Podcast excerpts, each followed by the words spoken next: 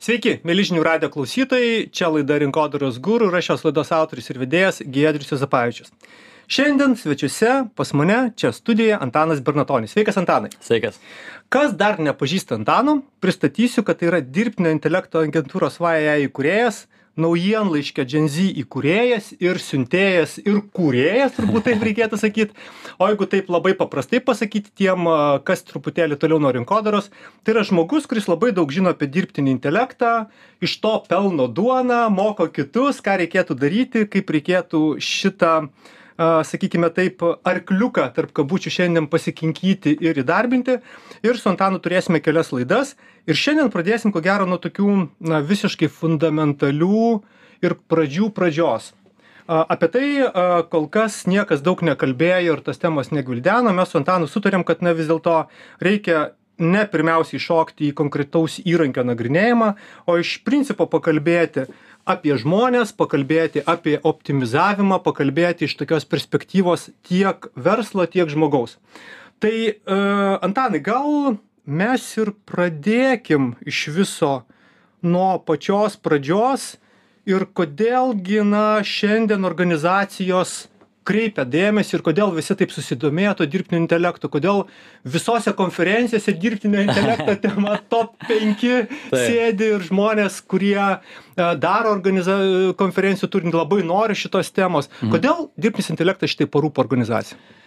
Tai labai lėmė, vėlgi mes dažnai kaip žmonija mėgstam bangas tokias. Ateina pas mus haipas mes prie jo prisirišam užsikabinam ir surfinam kartu su ta banga kas ten vyksta. Tai mes turėjom tokių bangų labai daug per paskutinius penkis dešimt metų. Tai buvo metaversas buvo blokčeinas buvo kriptovaliutos buvo web free įvairiausių tų turėjom bangų. Ir ir kuo dabar skiriasi šita banga atėjus tai jog mato verslai kad jie labai praktiškai čia ir dabar gali imti ir naudoti tuos įvairiausius dirbtinio intelekto įrankius. Nes anksčiau kas būdavo? Anksčiau būdavo labai daug taip galvojama kad kad aš galėčiau panaudot dirbtinį intelektą man reikia milžiniškų investicijų man reikia milžiniškų resursų dėti tam kad tai būtų kažkaip man pritaikyta. Ir dabar mes matom kad ateina įvairiausi įvairiausi įrankiai ir įmonės kažkaip labai daug prisirišo prie tos idėjos kaip viską automatizuoti. Kaip mum čia galima automatizuoti žmonėm dirbt nebereikės viską automatizuosim padarysim ir atsirado daug haipo tokia atsirado problema kartu su tuo kad o kaip dabar praktiškai imt ir panaudoti tai kyla klausimas ir tada jau nebežinom. Tai bendrai šitą sprogimą lėmė vėlgi visiems mums gerai pažįstamas bičiulis chatgpt. Ir nors technologija buvo jau čia ir anksčiau jau bet vat aš norėjau klaust nes jeigu taip pasižiūrėt dar atgal tai ko gero dirbtinio intelekto pats algoritmas ir panaudojimas bent jau socialiniuose tinkluose na jis jau labai senai nes na mums e, to pačio feisbuko algoritmas gi rodo reklamą. Ir ir mes matom tuos postus ir tą auditoriją kuri mus domina kur mes ten daugiausiai praleidžiam laiko kur paspaudžiam kur laikinam kur komentuojam. Tai iš principo tas pats dirbtinis intelektas jis nėra kažkokia panacėja arba vat pernai nes lietuvoj tai tas sprogimas įvyko rudenį e, pernai atsiradęs na naujovė kuri dabar čia yra kaip sakykime kažkas tai tokio nesuprantamo ir visiškai naujo. Jo tai vėlgi technologija jinai vystėsi jau daugybę daugybę metų ir ten pa pats atsiradimas to dirbtinio intelekto dar penkiasdešim penktais metais įvyko. Aišku pats dirbtinis intelektas reikia būtinai turbūt tą paminėti kad tai yra labai labai plati sritis. Mes apie ką kalbame tai ma kalbame tiktai apie mažą dalį tai apie generatyvinį dirbtinį intelektą ir apie jo dar mažą dalį nes ir jis pats yra platus nes čia yra nuo robotikos iki machine learning visokios situacijos. Tai mes dabar pagrinde apie ką ir domimės tai yra tas generatyvinis iš kurio mes galim matyt rezultatą nes tas visas ką matome feisbuką turinys ir panašiai tai yra algoritmai kurie skirti kad iš mūsų pavadinkim daugiau pinigų ištrauktų bet mums tiesiogiai tas naudos mes galvojam kad neneša. Vėlgi personalizacija bet aš kad prisiimu ir man prie rankų jaučiasi nu aš nematau to rezultato.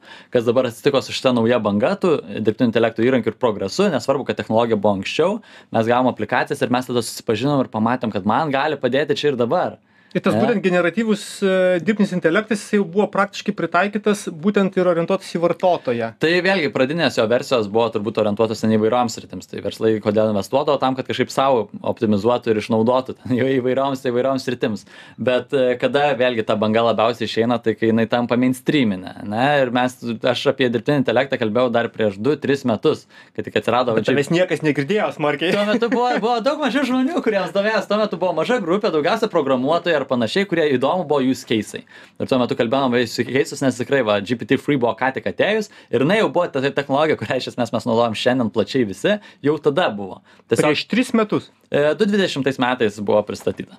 Ir, ir tada ir atsirado pirmi panaudojimai, tai tų ir įrankių buvo daug mažiau ir panašiai, bet žmonės tiesiog nu, nebuvo plačiai auditorijai tas pristatyta. Mano naujienlaiškio pirmas numeris ir buvo apie GPT-free įrankius. Čia Kur- kuriais metais? E, 2021 pradžiai. Tai tau dabar labai šiaip smagu būtų uh, žiūrėti, ką tu tada rašėjai. Taip. Realiai turbūt aš taip įtariu, kad didelį, didelę dalį turinio tu gali šiandien dieną lygiai taip pat sėkmingai uh, jau, jau pardavinėti turbūt, ne? Ir atidavinėti Vėl, auditorijai. dalis to turinio labai pasikeitė, nes tos įmonės, dalis iš jų bankrutavo, dalis iš jų tapo šimtamilijoninėmis įmonėmis, bet įdomiausia buvo vėlgi panaudojimo būdai ir potencialas, nes buvo aišku, kad tai keisis ir keisis greitai, klausimas buvo kokia forma. Tai, tai tas ir atsitiko, buvo labai jokinga, nes tuo metu aš ten apie tai rašydavau, bet aš tiesiog smalsus, aš ne, nesu pats e, machine learning specialistas, už mane yra milijonas protingesnių žmonių šitoje temoje, viskas, ką aš darau, esu tiesiog smalsus, kuris išbandinėja ir žiūri, kaip praktiškai galiu panaudoti aš ir kaip organizacijos gali išnaudoti. Ne kažkokiam fikciniam scenariui, bet čia ir dabar. Ir, e, ir jo, ir tuo metu kviesdavo, kviečiam jūs kaip dirbtinio intelekto ekspertą. Ne, ne ekspertas, aš mane labai prim, primušti. taip, taip, taip. Tai va, bet yra vėlgi, kai yra supratimas apie technologiją, supratimas apie tą kitą pusę, tai tada ir galima atnešti tą vertę didžiausią, ne, per verslo perspektyvą, kas man čia ir dabar. Ne tik koncepcijose, mums nereikia žinoti visų ten uh, algoritmų, kurie apačioje yra, mums reikia žinoti taip, kaip aš galiu pritaikyti, kaip ūkininkas, kaip paprastas žmogus galim ir panaudoti. Tai vertė. Gerai, va, sakai vertė. Tai kur yra ta esminė ir pagrindinė vertė šiandien organizacijai, kai kalbam apie dirbtinį intelektą? Kaip ir minėjau, mes labai daug kalbam apie automatizaciją. Na, ir mums mes skanduojam, kad automatizuojam, automatizuojam, bet kur yra labai kažkaip mano tas požiūris, net AI agentūroje, kaip mes pasivadinę esame, mes sakome, kad the human oriented AI workflows. Mes sakome, į žmogų orientuoti dirbtinio intelekto procesai. Tai mano nuomonė, kad dirbtinis intelektas labai įgalint žmogų ir va McKinsey tyrimas, ką jisai, pavyzdžiui, jis sako, kad dirbtinis intelektas kiekvienais metais į globalią ekonomiką įneš maždaug po 4 trilijonus, trilijonus dolerių vertės. Tai yra milžiniškas pinigų skaičius kiekvienais metais.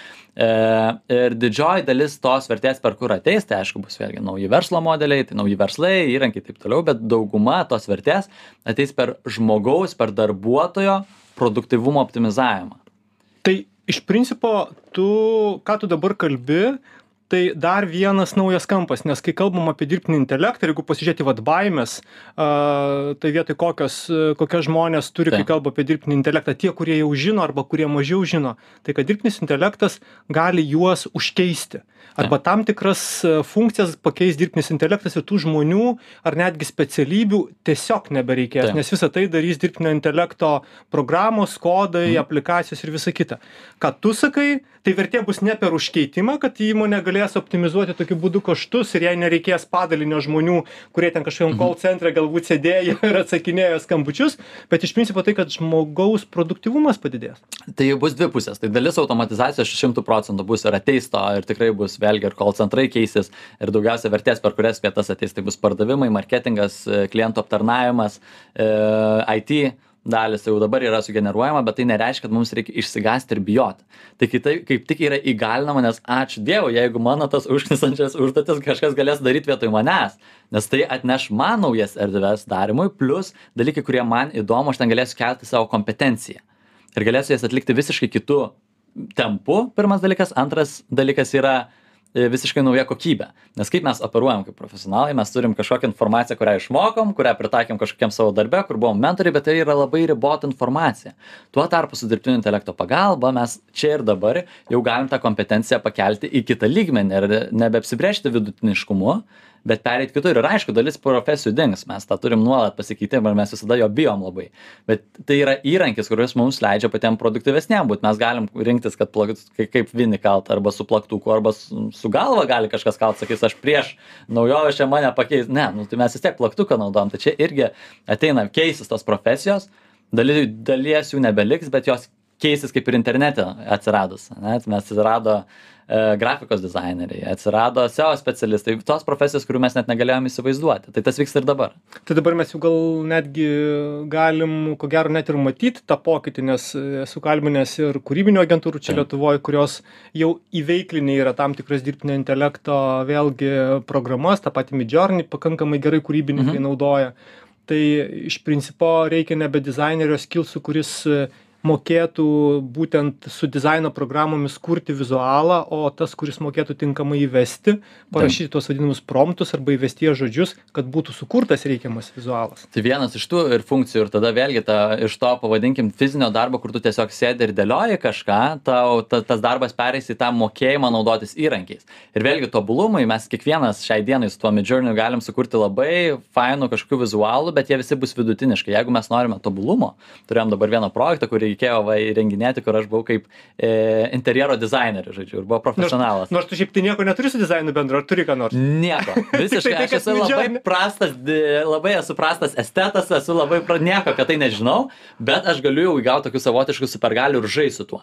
Ir aš tą galiu padaryti labai vidutiniškai ir atlikti, pavadinkim, 80 procentų to darbo, bet tam, kad ateitų jau tas tobulumas, reikia profesionalų ir tam profesionalui tai gali vietoj to kad jisai padarytų per tą mėnesį keturis interjero dizainus jis galbūt galės padaryti šešis gerai tai tu tu šneki taip kad iš principo tai nėra na tai nėra langas žmonėm iš viso naujai veiklai galbūt tokiai mėgėjiškai daugiau veiklai bet tai yra didesnis langas jeigu tu esi tam tikros Mhm. srities profas tai tavo profesinis lygmuo gali visai kitą kokybinį lygmenį kilstelt jeigu tu įvaldai dar patį ir dirbtinio intelekto įrankį. Aš sakyčiau čia abudu dvi pusės. Tai iš vienos pusės tu gali ir įgauti naujas kompetencijas nes aš pavyzdžiui prieš tai nieko jeigu būčiau su tuo negalėjęs padaryti tai aš dabar galiu savo ecus kurie man yra tinkami aš galiu juos susikurti ane tai nėra tokiu lygmeniu kuris bus profesionalas turbūt kuris labai gerai daro bet tai jau bus pakankamai gerai ko man dabar reikia Nu, tuo tarpu jeigu aš mačiau tavo vizualus sukurtus per, per e, konferenciją. Tai ta prasme, nu, jie yra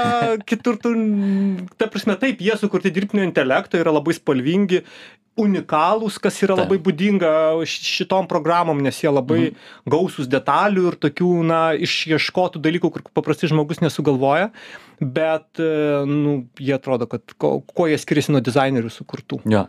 Tai va šitoj vietoj ir būtent, kad dizaineris, ką atsineša į spe- specifiką pagal užklausą ir vis daugiau to atsiranda, bet kokia dažniausiai problema didžiausia būna, jog kai ateina užsakymas, kad pats klientas nežino, ko nori. Ne, dažniausiai jis ateina ir, nu, man kažką ten tokio paruoš. Ir šitoj vietoj ir koks yra didžiausias darbas. Buvo labai geras mimsas vienas vienu metu, ėjo, sako, tam, kad e, pakeistų va, marketingistus, rinkodaristus, dirbtinis intelektas, klientas turės labai aiškiai iškomunikuoti savo projektą. Tai vadinasi, mes saugus. Esam, grėsmės nėra. Vis, viskas į klientą Jo, jo, jo. Mes, e, mes kiekvienas galim tą daryti, kiek mokysis, kiek gebės iškomunikuoti ir supras, ko nori. Mums visada reikia opcijų, kaip ir dabar, su ChatGPT tuo pačiu, ne, kurį mes visi naudojamės ir nesvarbu, kad įrankio galimybės yra beveik beribės, labai plačios. Mums nu tada išmuša skaitliukus, nes mums labai aiškiai reikia, kad aš galiu parašyti e-mailą, aš galiu parašyti vertės pasiūlymą, aš galiu dar kažką sukurti. Mums to aiškumo reikia ir dėl to, pavyzdžiui, kaip dauguma įrankių, kokių ir yra, kad mums užtektų čia GPT gerai naudoti ir mes galėtume 80 funkcijų atlikti. Bet e, yra daugybė tų įrankių kitokių prikurta ir kiekvienoje konferencijoje manęs prašo apie įrankius, papasako apie įrankius, sakau, reikia žinoti jums tik tai, kaip naudotis kalbos modeliais teisingai ir kelis, kur tada negali išpildyti panaudoti tose vietose įrankius. Bet tie kiti įrankiai, jie tiesiog yra API jum pajungti prie tų didelių kalbos modelių ir atlieka mažą funkciją, bet ta maža funkcija man iškart aišku, kad aš galėsiu padaryti šitą dalyką. Ir tada Mhm. aiškiau tampa. A, Bet Antanai, čia dar kabini dar vieną tada e, tokį klodą.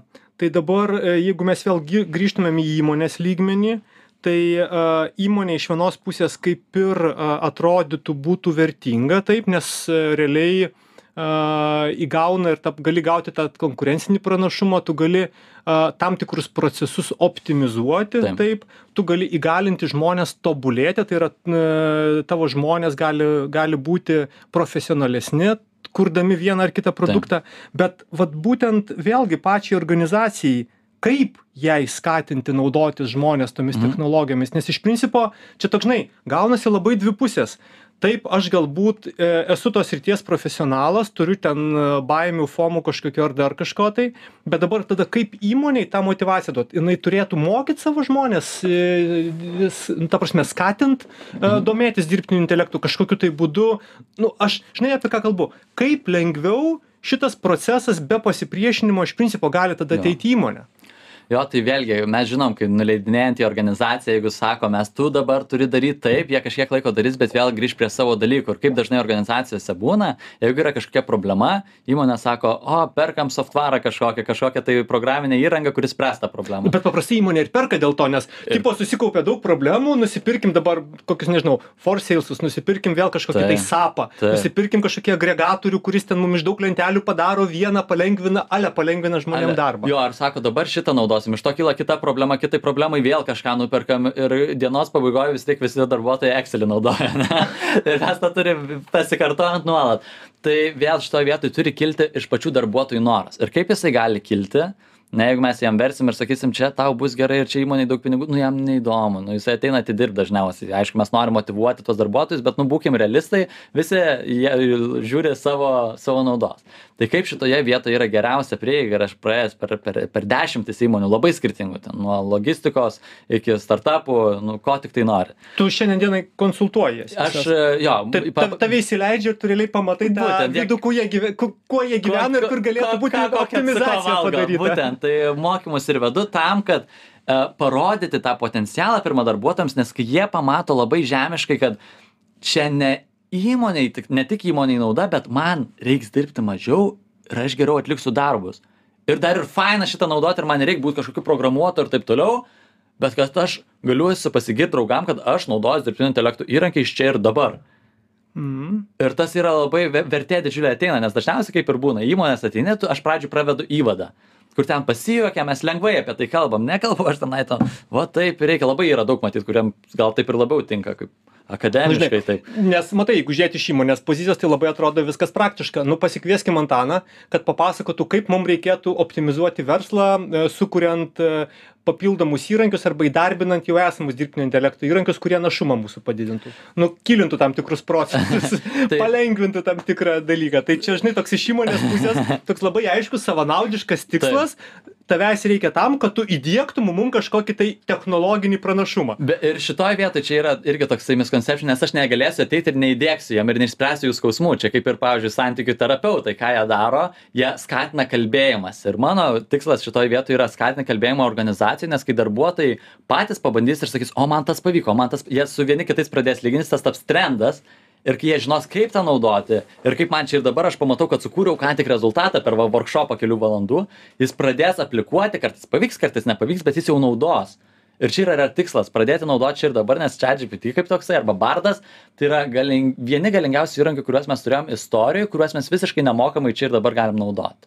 Ir teisingai juos išnaudojam, nes naudoja visi kaip išeina, bet suprantant, kaip reikia naudoti teisingai, kokioms užduotims galima, kaip, ta vertė ateina visiškai naujom formom. Ir tai neturi būti grand kažkokia dabar viską keičiam, optimizuojam. Nuo labai mažos užduoties, kai aš, kaip aš rytą pradedu. Na tai gerai, tai ką reikia žinoti apie čia GPT? Apie prompt engineering. O, tą- dabar gerai. tai ke- keturias valandas galim verti. ne, mes turim dar keturias geras minutės, tai sukal, tai ką dabar va tokiam lygmenį Mhm. reikia žinoti apie čia GPT?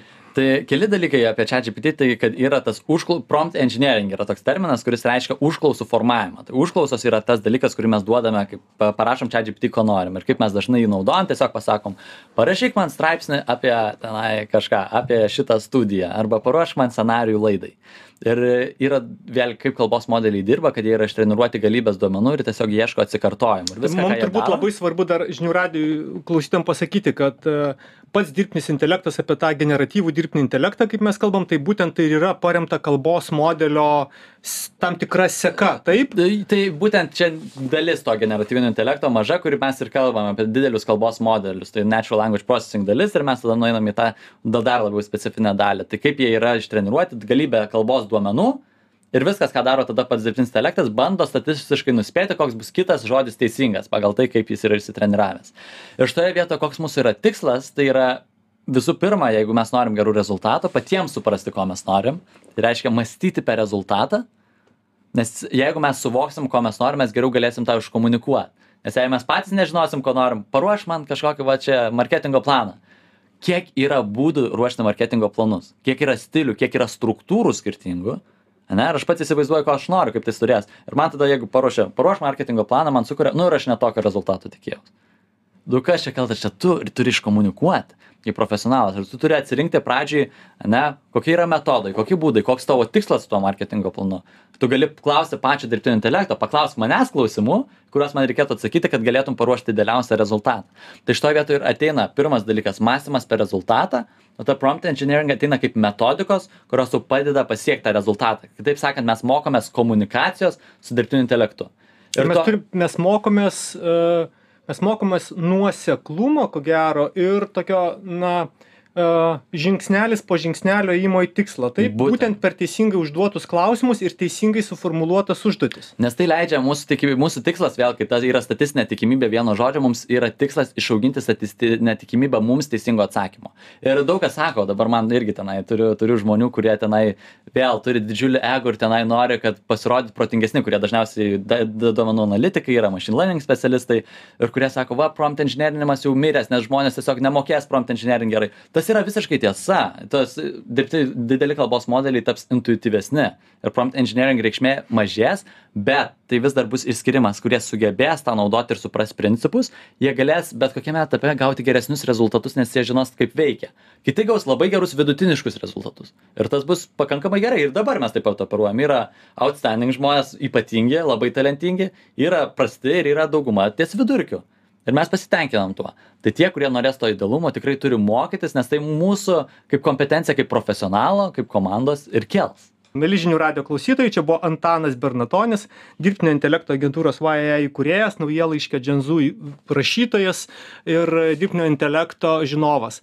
Tie kas nespėjot šitos laidos paklausyt ją atrasit žinių radijo archyve taip pat jinai nuguls į jutubą spotifajų ir tikrai dar su antanu susitiksim. Aš jums pažadu klausykite rinkodaros guru. Susitiksime po savaitės